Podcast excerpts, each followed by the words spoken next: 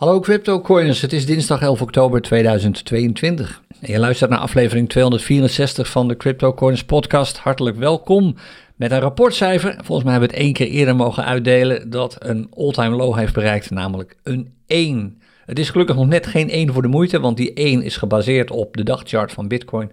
Die is, zou je kunnen zeggen met een beetje fantasie, nog steeds bullish. Maar voor de rest is er natuurlijk drama, drama, drama op dit ogenblik. Het handelsvolume neemt af, de volatiliteit neemt af. Veel bitcoin verdwijnt van handelsplatformen. Er wordt veel minder gehandeld, dus prijzen dalen. Er is natuurlijk nog wat aan de hand in de markt. Afijn, je weet het. We kunnen elke keer wel naar de charts gaan kijken en proberen mooie dingen te zien. Maar het ziet er eigenlijk opnieuw weer niet zo heel positief uit. Een paar super kleine lichtpuntjes, maar dat is het ook wel. Dus waar we het vandaag over gaan hebben is natuurlijk over de charts. We pakken de week en de dagchart er even bij. Van Bitcoin versus de dollar en Ether versus de dollar. We kijken even naar goud. We kijken naar de angst en hebzucht op Wall Street alle dingen die we altijd doen. Maar we gaan ook even wat aandacht besteden aan iets waar je misschien als je aan het handelen bent met Bitcoin. En met name als je aan het handelen bent op korte charts. Oftewel, je bent aan daytraden waarschijnlijk op de 1 minuten chart of 3 minuten of 5 minuten chart. Dan kom je iets tegen dat je misschien nog nooit eerder bent tegengekomen. Zeker als je nog niet zo heel lang aan het traden bent. Een absoluut afnemend volume. Een absoluut afnemende volatiliteit, een bewegelijkheid van de prijs. En dat levert welke strategie je ook gebruikt voor jou als daytrader problemen op die je misschien nog nooit eerder hebt gehad. Zelfs als je al heel lang aan het traden bent. Als je bijvoorbeeld al bij CryptoCoins bent sinds 2017. Dit heb je waarschijnlijk ook nog nooit eerder gemaakt en het kan behoorlijk frustrerend zijn. Zeker als je handelt met wat grotere volumes. Um, het heeft alles te maken met het handelsvolume. Ik zei dat net al. Daar gaan we zo meteen aandacht aan besteden. Eerst eventjes morgenavond, 12 oktober, woensdagavond om half acht, is het CryptoCoiners Café weer open. Het wordt waarschijnlijk weer super druk en super gezellig. Er komen vaak vele honderden mensen langs. Die hebben altijd hele goede vragen als het gaat om crypto, om bitcoin, om traden, om geld, noem maar op en zo. En als je nog nooit bij zo'n bijeenkomst bent geweest, dan kan ik niet anders dan zeggen van kom eens langs, je bent van harte welkom. We beginnen, ik zei het, om half acht, morgenavond 12 oktober. En je komt daar via onze www.cryptocorners.nl slash café link. En als je nu meekijkt naar deze podcast, zie je die link ook in beeld. En anders zie je hem eh, op de podcastpagina staan bij de show notes, zoals dat heet. En als je zeker wilt weten dat je geen cafébijeenkomst mist, want we doen er af en toe ook wel eens eentje tussendoor, gewoon spontaan, dan wil je waarschijnlijk even lid worden van ons CryptoCorners kanaal op YouTube, www.cryptocorners.nl slash YouTube. En even dat belletje aanzetten, dan krijg je van YouTube een melding op je telefoon en een mailtje volgens mij ook, vlak voordat het café weer open gaat. Dus morgenavond, je bent van harte welkom. Ik hoop dat je langskomt.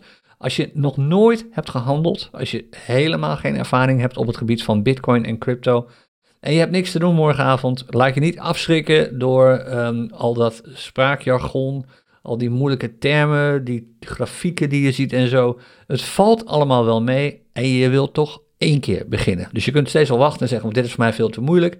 Een van de doelstellingen van de CryptoCoiners Café bijeenkomsten is juist om je te laten zien dat het allemaal wel meevalt. En we hebben hele vriendelijke, geduldige moderatoren uh, tijdens die sessies. En er zijn ook heel veel geduldige en aardige leden die absoluut bereid zijn om je te helpen met wat je maar wilt weten als het gaat om Bitcoin en crypto.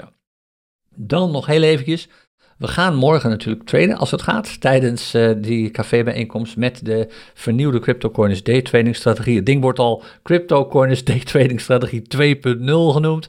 Het is een variatie op de strategie die nog steeds werkt overigens, die we in 2018 hebben gelanceerd.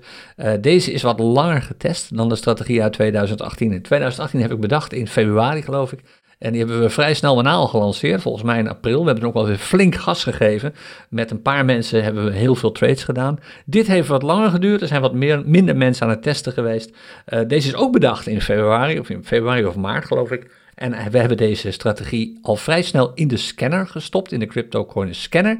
Maar uh, we hebben hem pas uitgerold, zoals het heet, uh, volgens mij vorige maand, ergens in september. En inmiddels wordt hij gebruikt, heel enthousiast, door een groot aantal traders die er hele leuke resultaten mee halen. Voor de zekerheid, het is geen garantie dat je, trades, dat je al je trades wint, welke strategie je ook gebruikt, want Traden betekent altijd een risico. Je betekent, het betekent altijd dat je geld investeert in iets waarvan je niet weet of de prijs gaat stijgen of dalen. Je kunt kijken naar signalen die je zelf kunt zien op charts, die je vertellen hoe groot de kans is, of dat er een grotere kans is dat de prijs stijgt of daalt. Maar het blijft alleen maar een kans. Dus je kan wel degelijk met trades te maken krijgen waarbij de, prijs juist daalt. Dat hoort bij elke strategie. Alleen het blijkt in de praktijk, en je kunt dat zelf gewoon nalezen, ik kan je van alles vertellen, maar je kunt veel beter lid worden van onze live trades chatgroep op, uh, op Telegram. Uh, daar kun je gewoon eens meelezen wat mensen erover zeggen. En dan lees je dat de meeste mensen gewoon hele, hele mooie ervaringen hebben met deze vernieuwde manier van daytraden. Je kunt grotere winsten pakken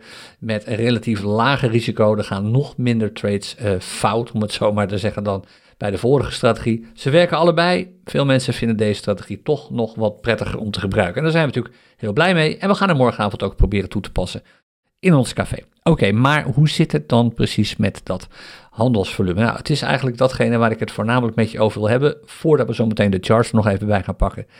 Er is sprake van een structureel lager handelsvolume. En handelsvolume betekent het aantal coins waarin je kunt handelen op dit ogenblik. Dus de hoeveelheid, niet de hoeveelheid verschillende coins, maar de hoeveelheid van een coin waarin je uh, handelt, is structureel veel lager dan de afgelopen tijd. Dan bijvoorbeeld een half jaar geleden. Dan bijvoorbeeld eind vorig jaar. Dan bijvoorbeeld een jaar geleden. En daar is een groot deel te vinden van de frustratie die je misschien ervaart als het maar niet lukt om uit een trade te komen, omdat de prijs niet meer zoveel beweegt of omdat het volume gewoon te laag is. Het lijkt wel of je alleen nog maar zogenaamde platte candles ziet. De startprijs en de eindprijs is niet veranderd. Dat heeft alles te maken met dat zwaar teruglopende handelsvolume. En ik heb, en als je meekijkt op YouTube, zie je dat nu ook in beeld, even een chart opgezocht van het handelsvolume op Binance sinds Binance is begonnen. En Binance is gestart volgens mij een paar maanden na CryptoCoiners. Um, wij zijn met CryptoCoiners volgens mij in de zomer van... Het is een beetje misverstand over. Volgens mij was het 2000... 17, maar sommige mensen zeggen dat we al in 2016 waren.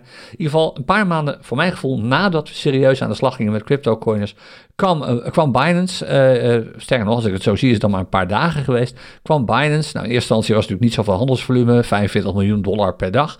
En dat bleef ook een tijdje zo. Ze timmen ook niet heel erg aan de weg toen nog.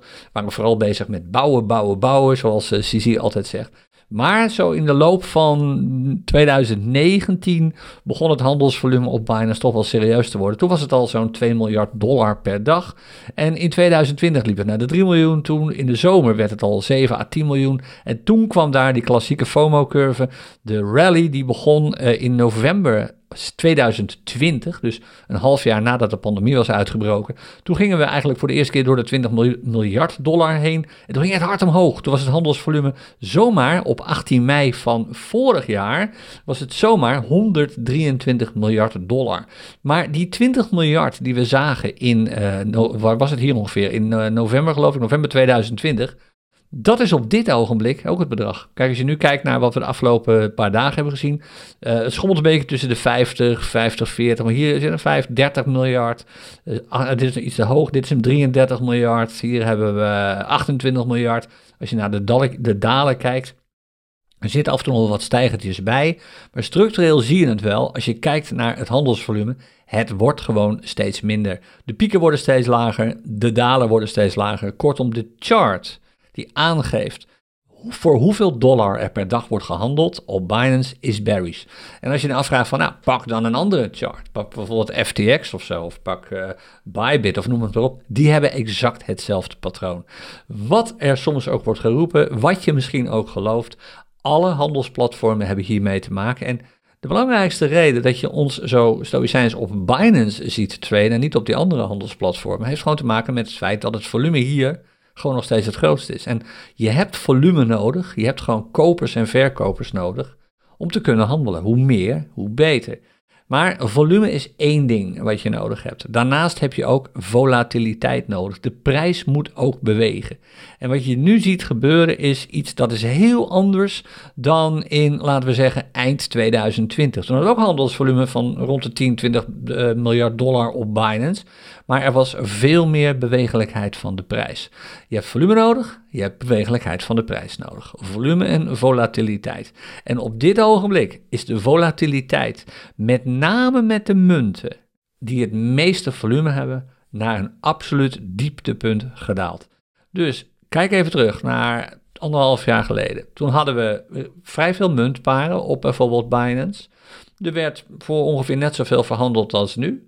Maar de gemiddelde breedte van de bolletje bands lag zomaar op anderhalf, 2 procent. Als je nu kijkt, dan zie je dat we nog steeds voor ongeveer 10, 20 miljard per dollar verhandelen op Binance. Maar de volatiliteit is enorm afgenomen. En daar komt ook nog eens bij dat een aantal jaar, of anderhalf jaar geleden, de, het volume min of meer was verdeeld, het handelsvolume. Er werd best wel veel gehandeld in altcoins, waardoor eigenlijk automatisch ook de volatiliteit stijgt. Als er meer volume is, gaat volatiliteit, bewegelijkheid van de prijs er vaak achteraan. En nu zie je eigenlijk dat het meeste handelsvolume zit in maar een paar muntparen. En het mooiste voorbeeld, sorry, ik zat even mijn microfoon. Het mooiste voorbeeld wat ik je kan geven is Hypertrader. Ik heb even Hypertrader erbij gepakt. Als je dat niet kent, dat is een stuk software, kun je gratis gebruiken. Je kunt ook upgraden naar een betaalde versie, heb je meer mogelijkheden. Maar er is ook een gratis versie. De link post ik ook wel even bij de show notes, cryptocoins.nl slash Hypertrader. En op Hypertrader kun je een overzicht opvragen van de muntparen en het volume. En ook de prijsbeweging sinds de afgelopen dag. Die is niet zo heel spannend voor nu. We kijken even naar het overzicht van alle Bitcoin-paren. En ik heb ze even gesorteerd, omgekeerd op volume. En dan zie je het uh, paar met het grootste handelsvolume is Ether versus de Bitcoin. Daar is voor maar liefst 7000 eh, Bitcoin in verhandeld. En dan wil je waarschijnlijk weten dat toen we deze chart, zeg maar anderhalf, twee jaar geleden, of sorry, deze lijst anderhalf, twee jaar geleden erbij pakte, dan had je een, een scherm of 4, 5 met muntparen waarbij het volume groter was dan 100 bitcoin. Ik weet, ik heb een clinic gegeven, Next Level uh, Trading Clinic. Die geef ik op dit ogenblik niet, kun je dus ook niet voor inschrijven. Dit is geen promotie. Maar tijdens die clinic ben ik live gaan traden met een andere strategie dan de CryptoCoins Day Trading strategie. Uh, we noemen dat de FOMO trading strategie. En toen heb ik gebruik gemaakt, actief gebruik gemaakt van dit zijpaneel. En toen heb ik gezegd, oké, we gaan eerst even door alle munten heen met een handelsvolume groter dan, ik geloof, 150 bitcoin. En dat was echt een, een scherm of 3, 4. Nou, nu op dit ogenblik heb je één scherm. Kijk, dat is dit scherm wat je hier in beeld ziet nu, aan de linkerkant. Met muntparen waarbij het handelsvolume groter is dan 100 bitcoin. Sterker nog, de laatste twee, FTM en Trax, eh, TRX, die zijn al, hebben al minder dan uh, eh, 100 bitcoin handelsvolume in, het afgelopen in de afgelopen dag. Kortom, alleen de eerste 1, 2, 3, 4, 5, 6, 7, 8, 9, 10, 11, 12, 14, 20, 22 paren hebben een handelsvolume waarvan je zegt van nou, daar gebeurt tenminste nog wat. Maar dat wil niet zeggen dat deze paren ook de meeste volatiliteit hebben waar je mee wilt traden. Je hebt die volatiliteit nodig om te kunnen traden. Laten we maar eens bij uitpakken. Laten we zeggen dat we traden op korte intervallen. Dit is de minutenchart waar je nu naar kijkt. En laten we volatiliteit even uitdrukken met een volatiliteitsindicator, zoals hier de bolletje bands, die gebruiken we meestal om volatiliteit aan te geven. En je weet het misschien als je wel vaker bij CryptoCoins geweest, die volatiliteit beweegt zich eigenlijk altijd van veel naar weinig, van veel naar weinig. En dat is wat de bolletje bands ook aangeven. Weinig volatiliteit, meer volatiliteit, volatiliteit, weinig, meer enzovoort. Nu is het even weinig, of was het even weinig, nu wordt het weer meer. Nou, als je nu kijkt naar de munt waarin het meeste wordt gehandeld als het om bitcoin gaat, dus bitcoin als munt waarmee je koopt, dan heb je hier de weinig volatiliteit uitslag tussen de onderste en de bovenste band. Je hebt eigenlijk voor de meeste strategieën een volatiliteit, volatiliteit nodig, blijft een rotwoord, uh, die in de orde van grootte van een procent of meer is. Eigenlijk op een minutenchart is een procent wel het minimum wat je nodig hebt. Nou, als je nu kijkt op de minutenchart, wat is dan het verschil tussen de, de onderste prijs, dus bij de onderste band van de Bollinger Bands, de oversold prijs, en de overbought prijs aan de bovenkant? Nou, is die een procent? Nou, we klikken, we bewegen naar boven en we zien dat die niet groter is dan 0,06% Dus in een periode van weinig volatiliteit is er nauwelijks prijsverschil. 0,06% Dat gaat helemaal nergens over.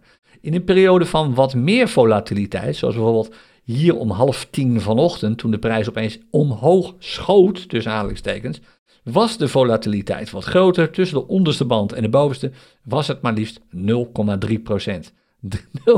0,3 procent. Dat is nog steeds helemaal niks.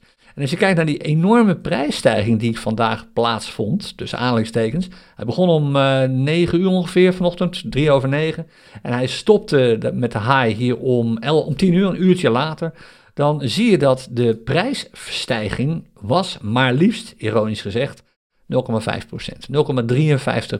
in een uur en 11 minuten. Daar kun je als daytrader op een 1 minuten chart niks mee beginnen. Dat gaat helemaal nergens over. Dat is veel te weinig. En dat is kenmerkend. Wat je tegenwoordig ziet, want dan pakken we zo meteen nog even eentje om te kijken of het klopt wat ik allemaal roep.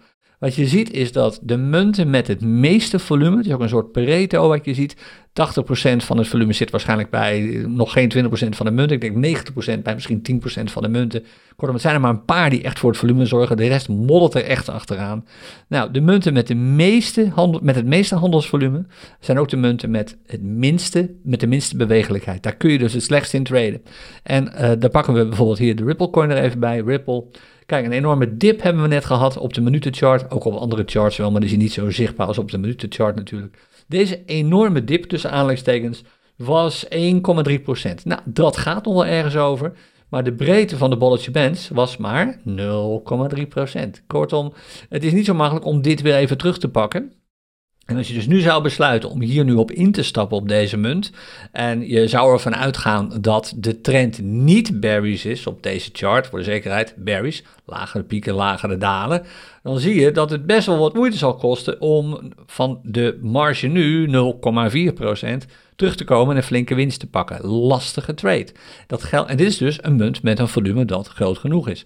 Dat maakt het dus, ik zei het al, lastig om te daytraden, want als je eenmaal een munt vindt met flink wat volatiliteit, is de kans gewoon groot dat je te maken hebt met zo weinig handelsvolume. Er wordt zo weinig in zo'n munt verhandeld op een dag dat de kans dat je in zo'n trade blijft zitten gewoon te groot is. Je krijgt te maken met trades met uh, heel veel platte candles bijvoorbeeld. Laten we deze maar eens even uitpikken. Ik heb geen idee, nou het voorbeeld is gegeven, ik heb geen idee hoe deze chart eruit ziet.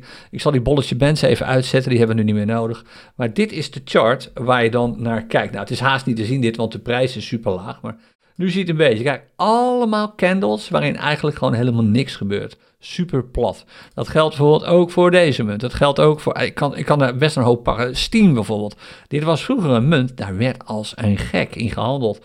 Uh, en je ziet het hier, hoeveel, en hier zit dan een, nu een enorme prijsstijging in op dit ogenblik. Dit is ook een hoop volatiliteit, 5%. Dus die volatiliteit is er wel op deze chart. Maar de bewegelijkheid of de, de, de platte candles, zijn, het, het volume dus, is gewoon te laag. Stel je nou eens voor, het volume op deze Steam chart die ik hier zie, van de afgelopen dag was 15 eh, bitcoin. Dus de afgelopen dag, je ziet dat hier ook staan, voor 15 bitcoin in verhandeld. De afgelopen dag. Dat betekent als jij nu een behoorlijk vermogen hebt waar je mee aan het traden bent. En laten we zeggen je hebt een tradingbudget van 1 of 2 bitcoin. Dan kun je deze trade niet echt goed doen. Want als jij koopt en je doet het bijvoorbeeld met een marktorder omdat je absoluut wilt instappen, jaag je de prijs omhoog. En als jij moet verkopen, je wilt van die 2 bitcoin aan Steam af, dan kan dat niet, want er is gewoon niet genoeg vraag. Het volume is gewoon te laag. Dus je hebt eigenlijk maar twee opties. De ene optie is met veel minder traden. En de tweede optie is met veel meer charts tegelijk traden, wat een enorme aanslag doet natuurlijk op je focus die je erbij moet hebben. Nou, zo kan ik er nog wel een paar munten bij pakken, maar je zult steeds weer hetzelfde verhaal zien. Hier is Lazio, kijk ook hier. Laag handelsvolume, 22 bitcoin op een dag en heel veel platte candles hier. Dit is een uur, een minutenchart, hè, dus dit is niet zo lang geleden. Dit, is, dit was een uurtje terug. En dit is nu, zit er even een korte stijging in. Heeft iets te maken met de prijsontwikkeling van Bitcoin op dit ogenblik. Die stijgt weer wat, dus aanhalingstekens. Dus nu schieten we 5% omhoog. Heel leuk, ik zei het al. Veel volatiliteit in dergelijke munten. Maar omdat het handelsvolume zo laag is, kun je eigenlijk niet veel. Kijk, dit is een voorbeeld wat je hier ziet. Als je kijkt naar deze candle om 11 uur 22 op dus de Lazio versus de Bitcoin chart dan kan het zomaar zijn dat dit een market order is geweest. Iemand heeft besloten hier te kopen en jaagt daarmee, en koopt flink wat, en jaagt daarmee de prijs omhoog. En dat is iets. En vervolgens daalt de prijs natuurlijk weer, want degene die kocht heeft zelf voor die wick gezorgd, die prijs omhoog opeens, die snelle uitschieter. En hij of zij zit nu met de gebakken peren, want als hij of zij van die munt af wil, dan is dat heel lastig, want er is gewoon te weinig vraag naar de munt. Het volume op dagniveau is gewoon te laag. En dat is dus een, een spagaat waar je in zit op dit ogenblik. Het handelsvolume is zo afgenomen dat je eigenlijk alleen als je hele kleine accounts hebt, en dan moet je echt denken aan accounts met ja, misschien uh, hooguit 0,1 bitcoin, 0,2 bitcoin, waarmee je gaat traden, dat het redelijk goed gaat. Als je, en dan moet je je voorstellen, je stapt dan vaak niet in met 0,1 of 0,2 bitcoin. Je koopt een aantal keer bij. Dus je stapt misschien in met een, uh, met een, een kwart daarvan. Dan koop je nog eens een keer bij met nog een keer een kwart van je oorspronkelijke budget. En dan nog een keer bij met de helft. Dan zit je volledig in die munt. Wat je zou kunnen doen om dit probleem een beetje, een beetje aan te pakken. Met name, dit is alleen maar relevant als je wat meer handelsvolume hebt, is ga uh, niet eh, twee keer bijkopen, maar koop drie keer bij. Ga 1, 2, 4, 8, om het zo maar te zeggen. Dus je pakt uh, minder winst op makkelijke trades, waar je vrij snel uit bent.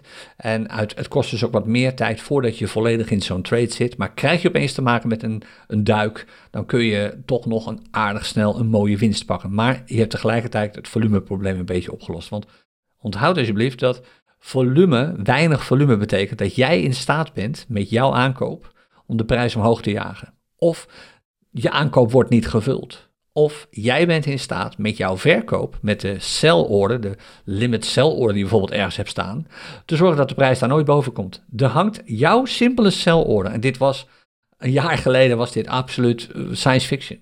Als je nu één of twee bitcoin hebt in een trade, en dat was nogmaals, dit was anderhalf jaar geleden, had dit geen rol gespeeld. Een jaar geleden ook niet, een half jaar geleden ook niet. Als je nu één bitcoin hebt in bijvoorbeeld deze trade, ik, help het je hopen dat het niet zo is. Maar stel je hebt voor één bitcoin deze munt gekocht. En je wilt daarvan met winst vanaf. En je zet bijvoorbeeld op deze plek hier, de, vlakbij de piek, waar nu uh, de vorige piek die we gezien hebben om kwart over elf. Je zet daar een sell order voor één bitcoin of twee bitcoin.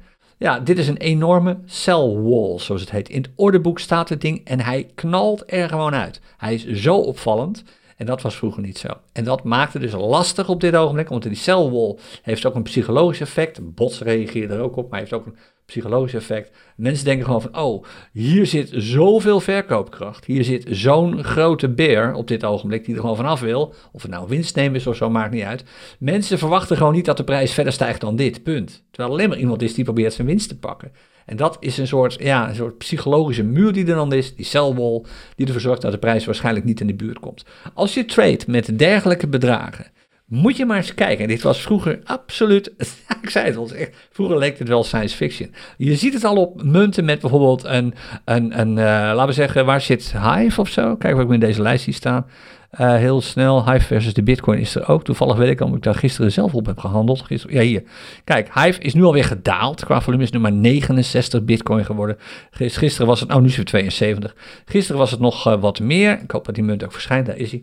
Als je um, nu laten we zeggen, je handelt met wat meer en je zit met één bitcoin of nog wat meer, zit je in zo'n trade. Nou, met 72 bitcoin als dagvolume is dat eigenlijk gewoon te veel. Maar stel je zit in zo'n trade. En stel, jij zet hier een, je denkt bij jezelf, nou, ik moet nu uit die trade. Uh, ik zet even een market order neer. Ik zit nog in die trade, maar ik moet er nu uit, want ik ga eten of ik ga andere dingen zoeken. Ik zit even zoeken waar de, waar de wick zit naar beneden. Die zijn er absoluut wel dan kan het zomaar zijn dat jij met jouw enthousiaste market order om uit die trade te komen, de prijs opeens naar beneden jaagt. Dat jij zorgt voor een wick, zoals hier bijvoorbeeld is geweest, kijk op deze plek, waarbij de prijs opeens naar beneden schiet. Hier zak je nog in de winst, hier zie je in verlies, daar gaat je winst. Alleen maar omdat jij via market order uit die trade probeert te komen. Er is gewoon super weinig volume. Dus het verklaart ook uh, als jij een scanner gebruikt, dat je weinig meldingen krijgt. Dus de CryptoCoin scanner pakt een van de meest gehoorde klachten, tussen aanhalingstekens op dit ogenblik is, er komen zo weinig meldingen. Hoe kan dat? Het antwoord is, er is gewoon weinig te doen. Er is zo weinig volatiliteit op al die altcoins. Er is zo weinig volume op munten met veel volatiliteit. Dat maakt het meldingenaantal gewoon laag. Je kunt dat zelf zien als je door de charts heen wandelt.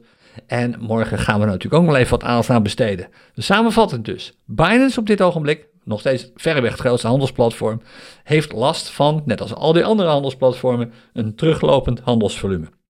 En los daarvan, het handelsvolume is nog steeds hoog, maar het aantal paren met veel volatiliteit neemt meteen het meeste handelsvolume weg. Dat maakt traden met grotere budgetten op kortere intervallen super lastig op dit ogenblik. Ongeacht of je nou long of short trade, het maakt het super lastig. Dus de alternatieven die je hebt zijn, gebruik langere trading intervallen. En ja, de crypto strategie, ook de vernieuwde strategie, werkt prima op de wat langere intervallen. Doe dat natuurlijk alleen op charts waarbij je een bullish markttrend ziet, zodat je niet wordt verrast door te grote dalingen opeens, omdat gewoon het, de, de trend eigenlijk bearish is. Dan komt het wel weer goed. Maar dit is gewoon een kwestie van uitzitten. Hier kun je werkelijk geen strategie op bedenken, geen korte intervallen day-trading strategie. Degene die zegt dat het wel kan, absoluut onmogelijk. Ik zou dat niet serieus nemen. Oké, dat. Een lang verhaal, langer dan ik had verwacht. Maar ik wilde dit gewoon even duidelijk met je bespreken. Het ligt dus niet aan jou. Het ligt gewoon puur aan de markt op dit ogenblik. En misschien wil je gewoon zelf een oogje blijven houden. Bijvoorbeeld via ehm, uh, crypto, hoe heet die zo? Crypto, uh, market cap, crypto, mar ik kan even niet op de naam komen, moet je je voorstellen. Coin market cap. Moet je gewoon via coinmarketcap.com kijken uh, of het, hoe het gaat met het volume. Neemt, neemt het af, neemt het toe. Je kunt ook deze chart van Nomics pakken. Er zijn er zoveel waarop je kunt zien hoe het door de bank genomen gaat met het handelsvolume. En ik heb nu even all aanstaan. We kunnen ook kijken, hier zie je een mooi voorbeeld naar het gemiddelde handelsvolume over de afgelopen maand. Dit is uh, sinds 11 uh, september. En ja, je kijkt gewoon naar de pieken en de dalen. Je weet hoe het spelletje werkt. Dit is een piek, dit zijn pieken, dit zijn pieken. En je ziet het nu, lagere pieken, lagere dalen, oftewel berries. Het volume neemt, je ziet het hieronder als je een voortschrijdend gemiddelde erbij pakt. Het volume, volume neemt door de bank genomen gewoon af. En dat is, is niet goed. Dat is niet wat we hier willen zien. En ik denk eerlijk gezegd, niemand kan dit voorspellen. Je hebt geen glazen bol. Ik denk eerlijk gezegd dat dat nog wel een, uh, een tijdje zo blijft. Nou, dat was hem. Nu gaan we naar de charts. We doen dat even rapido, want nogmaals, we vertellen eigenlijk min of meer elke keer hetzelfde. Eerst maar even de weekchart en dan komt een alert. Oh, dat betekent dat we op de urenchart weer een berries hebben gezien. Uh, eerst even de weekchart, die is uh, berries. Was die vorige week ook een berries? Volgens mij niet. jawel, moeilijk verhaal. Sowieso een moeilijk verhaal op dit ogenblik. En de reden is er gebeurt eigenlijk al geen plakker. Kijk, als je hier kijkt naar de laatste drie candles, deze is nog bezig. Zijwaartse beweging in een bearish trend. De trend was al bearish. Uh, zijwaartse beweging op het ogenblik. En zijn we nou op weg naar een nieuwe piek? Zijn we nu alweer op weg naar een nieuw dal? Het is eigenlijk niet echt te zeggen op dit ogenblik. Ik, ik ga ervan uit, moet ik uh, zeggen, niet al te, ik wil niet al te veel pessimisme uitstralen hier, want het biedt altijd ook wel weer kansen. Ik ga er eerlijk gezegd vanuit dat, kijk, we zitten nu nog boven de vorige trough. Dat is de trough die we hebben gezien voor de laatste keer hier, een maand geleden, op 19 eh, september. Uh, 18.157 dollar. Daar zitten we nog steeds boven. Daar zijn we nog niet onder geweest. Dat, we hebben hier misschien een nieuwe piek te pakken. Dat is dan deze. Dat is die van vorige week, 3 oktober. Die was 20.469. Nou, als dat zo is, blijven we gewoon vrolijk berries natuurlijk. Ik denk eerlijk gezegd dat we eronder komen. Is mijn verwachting. Niet gebaseerd. Ik wil niet zeggen dat het op gevoel is, maar gewoon puur lettend wat er in de markt gebeurt. Je ziet zo ontzettend veel overeenkomsten op dit ogenblik. Tussen het sentiment en de trend op de aandelenmarkten en het sentiment en de trend in de cryptomarkten. Dan kan het haast niet anders dan we gaan door die 18.000 zakken en we gaan op weg naar beneden. Hoe ver naar beneden? Wie het weet mag het zeggen. Sommigen gaan wel eens roepen 13.000. Dat blijft een getal omdat daar ooit in nog een gap heeft gezeten. Er zit ook een hoop support op dat level. Uh, dat kan, ik weet niet of het gebeurt, maar de eh, kans, de kans op dalingen, naar mijn mening, is gewoon structureel veel groter dan de kans op stijgingen. Nou, waar ik op let om te kijken of dat daadwerkelijk gaat gebeuren, niet zozeer op de weekchart, want die is daar toch wat te langzaam voor. Maar ik kijk wel naar hoe op de weekchart, gewoon grosso modo, de prijs zich ontwikkelt. En dan zie je dat we nu eigenlijk al vijf, vier weken op rij, deze tel ik even niet mee, de laatste candle, die is nog bezig, maar uh, ja, zes weken, zeven, acht weken op rij, toch wel, ik was deze even vergeten, uh, acht weken op rij onder de onderste band van de Keltner Channel zitten. En dat wijst op een toenemend bearish momentum. Er wordt harder en harder op de rem getrapt. Het vlakt nu misschien wat af, zoals je ziet. Dat is niet helemaal zeker. Je ziet ook de EMA 20 door de MA 200 heen lopen trouwens. Grappig. Nooit eigenlijk met, die zul je normaal nooit met elkaar vergelijken. Appeltjes, peertjes natuurlijk. Dit is wel interessant om dit nu te zien. De prijs zit onder die MA 200. Die rode lijn die hier zo loopt. Dat is het voortschrijdende gemiddelde van de laatste 200 weken. De laatste 200 weekprijzen. Loopt, liep een tijd lang op, ondanks het feit dat de prijzen daalden en de trend ook daalde, die lijn bleef gewoon doorlopen, want daar die pakte gewoon 200 candles bij. Zoals ook die enorme bullrun die we hebben gezien in 2020 en ook weer in 2021 natuurlijk. Ja, en dat uh, duurt wel even voordat is uitgewoed. En dat betekent dat we dus nu nog steeds een stijgende MA20 zien. Maar de prijs zit er nu wel onder. Hoe langer de prijs eronder blijft, des te zekerder dat die MA20 op termijn, MA200 sorry, op termijn ook gaat dalen. Kortom, deze chart is gewoon berries. Er is nauwelijks wat bullish te zien. Het enige, maar dat moet je ook met een korrel zout nemen naar mijn mening, is de, uh, de uh, unbalanced volume indicator hier. Hoewel de pieken en de dalen daar ook steeds lager worden. Dus gemiddeld gezien is dit ook alweer berries. Maar op dit moment zou je kunnen zeggen, hé, hey, de afgelopen week gaf hij een bullish signaaltje af. Nou, het is een kleinigheid hoor, ten opzichte van wat je voor de rest op deze chart ziet. Nou, dan de, de dagchart er maar even bij. Dat is de enige chart die zorgt er voor een punt bij het uh, crypto rapportcijfer, want je zou deze chart nog steeds bullish kunnen zien. Technisch is hij inderdaad bullish. Maar wat ik vorige week volgens mij ook al heb gezegd, er zit die piek. En dat is die piek die we hier hebben gezien op 13 september. En die piek is hoog hoor. Die piek zit op, uh, wat is die, 22.781 dollar. Dat was niet zo heel hoog. Een aantal maanden geleden, in de zomer, was, zaten we ver boven dat bedrag. Toen zaten we nog steeds op rond de 4.000, 25.000 af en toe. Maar nu is het echt een piek van uh, meer dan, ruim meer, uh, dan uh, 25% van de prijs nu. Is dat trouwens zo? Of ik zit nu, zit ik nu iets te vertellen wat niet klopt? Even kijken hoor. sorry, 20%. De, de prijs staat nu op 18,9, dus maar 19.000. En op, is dat zo? Nee, de prijs staat op 19.000 nu. En hier zit de piek op 22,7, dat is ongeveer 20%. Maar 20% is een hoop. Zeker als het marktsentiment absoluut niet bullish is. Er moet wel iets gebeuren. Nieuws. Niks anders dan dat. Nieuws. Er moet iets gebeuren in de wereld dat beleggers zo enthousiast maakt, dat zoveel zorgen wegneemt. En dat is echt niet een drempel voor de energieprijs of zo. Dat moet echt gaan over een, een oorlogsdreiging die wegvalt, bijvoorbeeld. Uh, er moet iets gebeuren dat zo positief is en dat zo positief wordt ontvangen.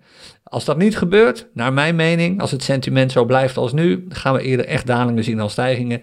En is deze tussen aanhalingstekens bullish trend helaas gewoon voorbij. We zakken hier door de vorige trough van uh, begin deze maand, 18.931. En we gaan gewoon op weg naar een lagere pieken, lagere dalen. Dan keert ook deze chart om. De Keltner Channels, eh, de prijs is nu nog, zit nog in neutraal gebied. Eigenlijk in een afnemend bullish momentum. Hij daalt waarschijnlijk deze week. Het zou me echt niet verbazen, want er komen te veel lijnen bij elkaar. Kijk, de onderste lijn van de Keltner Channels. Dit is de, als je voor de techneuten onder jullie, dit is de ATR. Dit is eigenlijk de EMA 20 minder ATR. Kruis nu de vorige trough. Dat is, uh, dit is een support. Als de prijs er doorheen zakt, ja, dan kan het gewoon hard gaan. Vlak daaronder, op uh, iets meer dan 18.000 dollar, zit al de parabolic stop and reverse. Ook een support. Als de prijs daar doorheen gaat, ik zei het al, dan kan het hard gaan. Dan kunnen we zo echt deze week prijzen gaan zien rond de 18.000 dollar of misschien nog minder. Wat je wel zou willen doen is, laat je niet te veel leiden, dat is in ieder geval niet wat ik doe, door wat je nu ziet. Kijk, de afgelopen week, min of meer vanaf vorige week woensdag, uh, is de prijs eigenlijk elke dag gedaald. De close op één dag na, toen hadden we een doji hier, maar de close was eigenlijk elke dag een procentje of twee lager. Nou, je zou kunnen zeggen, oh ja, nu, hebben, nu zitten we echt zo ontzettend in dat sentiment. Nu gaan we echt naar beneden, nu is het echt gebeurd. Uh, Bitcoin is dood, enzovoort. En al dat soort dingen wat je altijd hoort neem dat niet al te serieus. Want je zou natuurlijk kunnen zeggen, we zitten nog steeds op dit ogenblik met de prijs op, boven het laatste dal dat we hebben gezien op 2 oktober. Op 2 oktober hebben we een prijsniveau gehad van 18.931. Dat was hier, 2 oktober. Daarna ging de prijs weer omhoog. Nu heeft de low van vandaag, 18.962, zit nog steeds boven dat niveau. We zitten nog niet op die groene lijn. Zolang we daarboven blijven, en als de prijs daar vandaag boven sluit en morgen weer stijgt, wat ik ook kan, die weet het niet, is het gewoon een nieuwe trough. Is het zelfs bullish. Blijft, als we twee dagen op rij hogere prijzen zouden zien, blijft, hoe gek het ook klinkt, deze chart gewoon bullish. Maar als je er doorheen gaat, ja, dan is het inderdaad wel duidelijk dat we echt in een steeds in een trend zitten met steeds lager wordende prijzen. Kwestie van tijd voordat we dan door die 18.000 heen breken. Dus waar ik heel erg op let nu is, wat doet de urenchart? Die pakken we er zo even bij, toch even heel snel. En wat doet de prijs ten opzichte van de vorige trough? Dus duiken we onder die 18.931 of niet? Dat zou, als je puur technisch kijkt, een eerste signaal zijn dat de trend omkeert naar berries op deze dagchart. Je wilt daarna nog een nieuwe piek zien die lager moet zijn dan de vorige. Maar het is wel een heel duidelijk signaal. En naar mijn mening kan het rapido gaan. Als de prijs doorzakt en ook nog onder die PSAR komt van 18.450 dan komen we echt op die 18.000. Kan dan haast niet anders meer. En wat zegt die urenchart, die we normaal eigenlijk niet bijpakken als we de weekchart erbij hebben? Ja, berries. We waren vorige week lekker op weg. Misschien weet je nog. Dit is vorige week. Uh, vorige week, wanneer heb ik de podcast opgenomen? Vorige week donderdag, dat was hier. Toen zaten we nog, uh, dat was hier s ochtends. Toen zaten we nog mooi in een bullish trend. Kijk, we waren al een tijdje lang uh, lekker bullish sinds de maandag daarvoor. En wat gebeurde er echt een paar uur later? Werd er een piek bereikt, s'avonds om 10 uur. En hier op dit punt, ongeveer, zo woensdagochtend om 8 uur, was de trend omgekeerd op de urenchart. Het zag er al hartstikke mooi uit, maar daarna ging het opeens snel. De prijs daalde onder de MA20, zoals je ziet, het voortschrijdende gemiddelde van de laatste 20 sluitprijzen, daalde vlak daarna onder de MA50, lager de piek, een lager dal, even een hogere piek, maar daarna weer een lager dal, lager piek. Berries, berries, berries, dat is hij nog steeds. En de prijs is nu na een korte, kleine beweging naar boven, maar het ging echt helemaal nergens over. Dat was afgelopen zondag. Iedereen dacht dat het in China wel zou meelopen met de markten. Dat bleek dus niet zo te zijn. Dook de prijs weer verder naar beneden en we zitten onder de MA20 en de MA20 zit onder de MA50. Dit is zo bearish als het maar zijn kan. Dus ook deze chart laat zien, met steeds lager worden de, pieken en lager wordende dalen, dat de kans, en ik ga geen channels tekenen nu, dat laten we aan Kevin over als hij weer terug is, maar de kans dat we onder de 18 komen gewoon absoluut realistisch is. Even snel nog ITER erbij. Uh, op weg naar een nieuwe piek, zei ik vorige week. Nou ja, dat zou je kunnen zeggen dat dat nog niet is gebeurd. Want sindsdien zitten we eigenlijk in een, eerder in een zijwaartse beweging. Kijk, er is opnieuw geen volatiliteit meer. Nauwelijks. Het volume neemt ook af. Kijk, als je kijkt naar de volumestaaf van afgelopen week, de week van 3 oktober. Eh, dat hebben we sinds mei niet gezien van dit jaar. Dit was de laatste keer dat we zo'n lage volumestaaf hadden. Alle andere zitten er net, net nog uh, onder. Of boven, sorry. En dat betekent dat we een super laag volume hebben gehad de afgelopen week. Uh, je kan wel zeggen dat komt door de herfstvakantie, maar het is echt niet overal ter wereld herfstvakantie.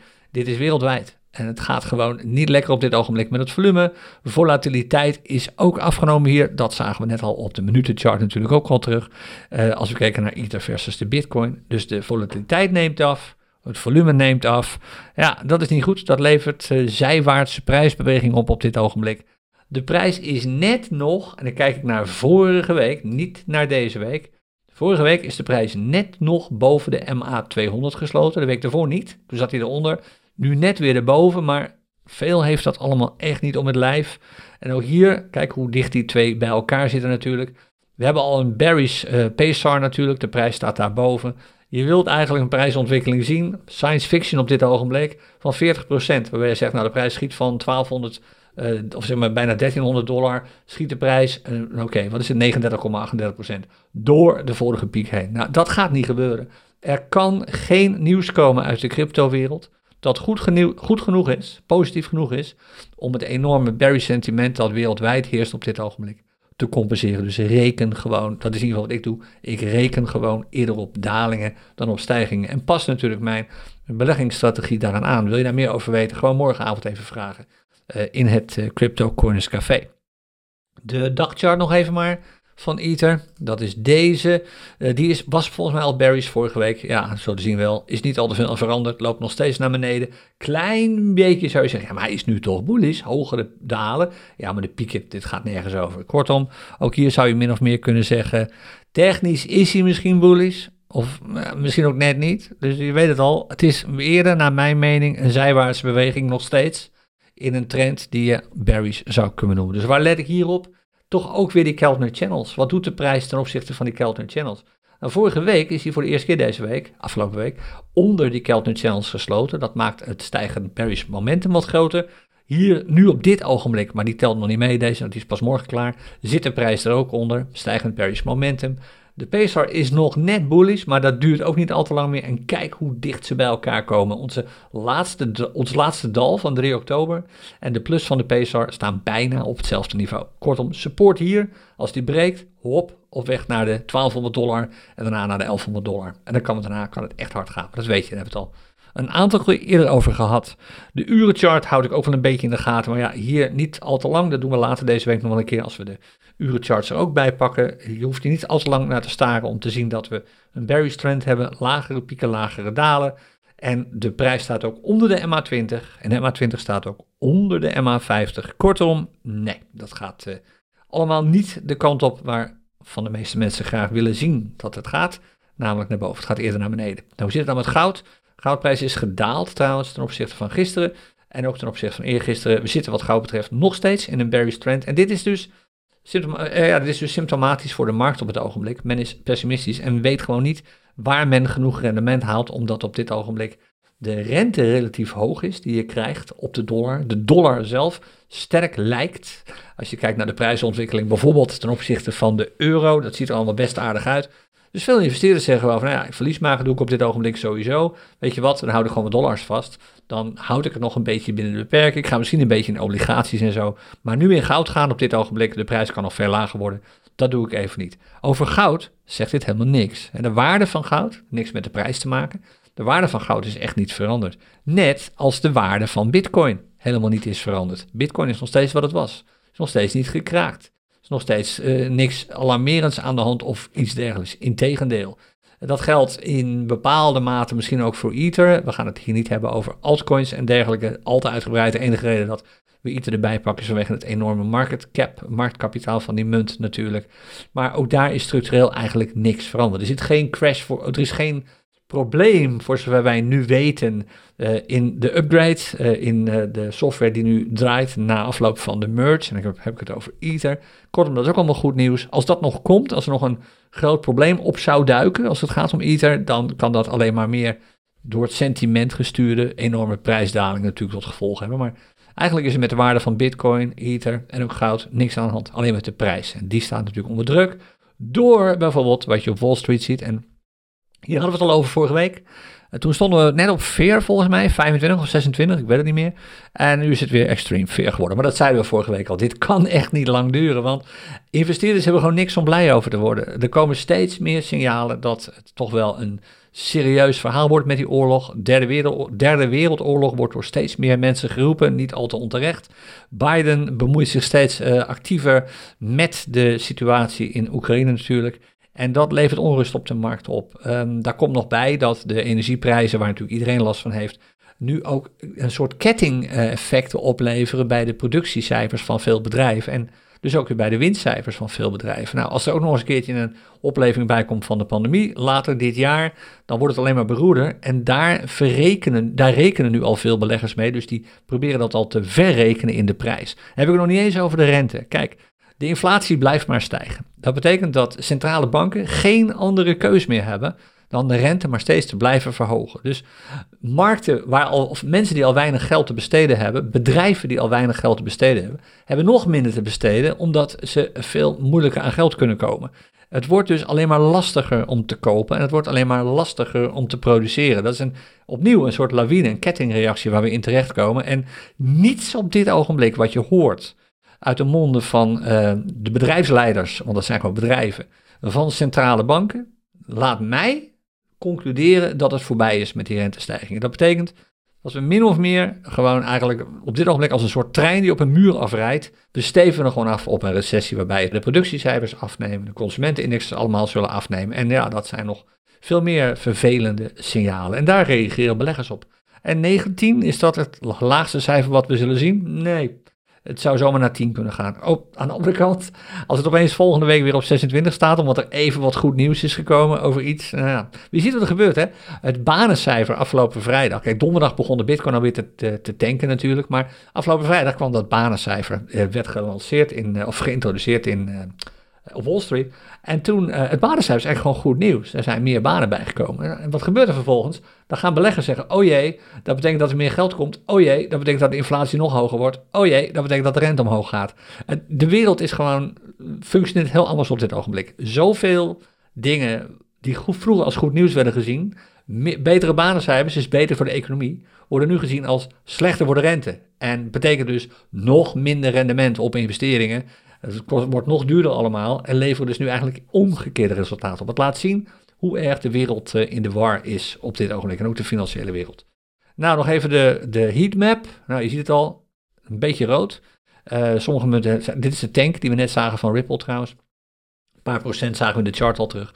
Uh, Cardano gaat beroerd op dit ogenblik. Een aantal andere munten gaan even beroerd. Maar nogmaals, dit zegt niet zo heel veel. Wil niet zeggen dat het op dit ogenblik niet te traden valt, want er zijn nog steeds wel munten. Het zijn we niet zo heel veel, maar er zijn nog steeds wel munten die, als je kijkt naar zo'n beetje alle charts van de muntparen, een bullish trend laten zien. Maar het is dus de combinatie van muntparen waar je op zoek gaat, met een bullish trend, met genoeg volume en genoeg volatiliteit. En die drie dingen, die zijn lastig te vinden. Dat zorgt ervoor dat je eigenlijk op dit ogenblik misschien maar, een beetje vanaf op welk interval je handelt, hangt een beetje vanaf met hoeveel volume je handelt, misschien maar drie tot vijf verschillende charts per dag ziet waar je wat op kunt. En uh, mijn respect als je op dit ogenblik zonder scanner aan het traden bent, want dan ben je echt de hele dag alleen maar die charts aan het volgen.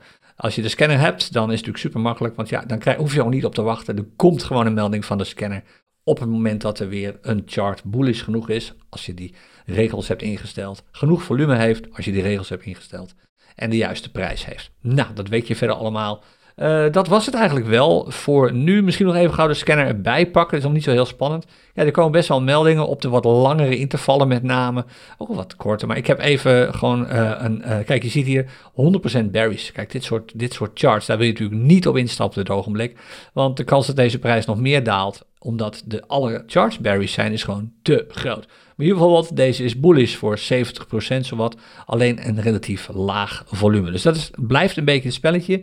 En nu is het eigenlijk zo op dit ogenblik, hoe minder je hebt aan uh, trading budget, hoe makkelijker het is om te traden. En nu begint uh, de grootte van je trading budget sneller een uitdaging te worden dan bijvoorbeeld een half jaar geleden. Dat is eigenlijk de conclusie. We gaan niet naar uh, de trends en de barometer toe. Ah, barometer is misschien wel leuk om even te kijken. Uh, hoe die er op dit ogenblik uitziet. Je weet, als je de vernieuwde cryptocurrency day strategie gebruikt, dan heb je die barometer gewoon niet meer nodig. Ik vermoed dat hij negatief is. Ja, hij is in ieder sinds gisteren 3% in de min. En zelfs sinds het afgelopen uur is hij 0,3% in de min. Dat maakt traden met de oorspronkelijke cryptocurrency day trading strategie lastig. Of je nou gaat jojo of niet. Gewoon supergoed uitkijken is misschien dan vandaag een dagje om wat anders te gaan doen. Gebruik je de vernieuwde strategie, dan kun je prima aan de slag. Maar let dan alsjeblieft goed op die markttrend. Hoe meer, des te beter. Liever niet in de stappen. En dan uh, het gevoel te hebben dat je moet gaan instappen omdat je anders niet kunt traden. Onthoud goed, de beste trade is naar mijn mening de trade die je niet verliest. Dat was hem. Dat was een lange aflevering. Volgens mij zijn we bijna een uur bezig geweest. Nou, mocht, mocht ook wel eens een keertje voor de CryptoCoins podcast. Morgenavond ben ik er weer om half acht. Dan gaan we live traden. CryptoCoins Café. Ik hoop dat je ook komt. Tot dan en anders spreek je aanstaande donderdag weer bij een nieuwe aflevering van de CryptoCoins podcast. Dag.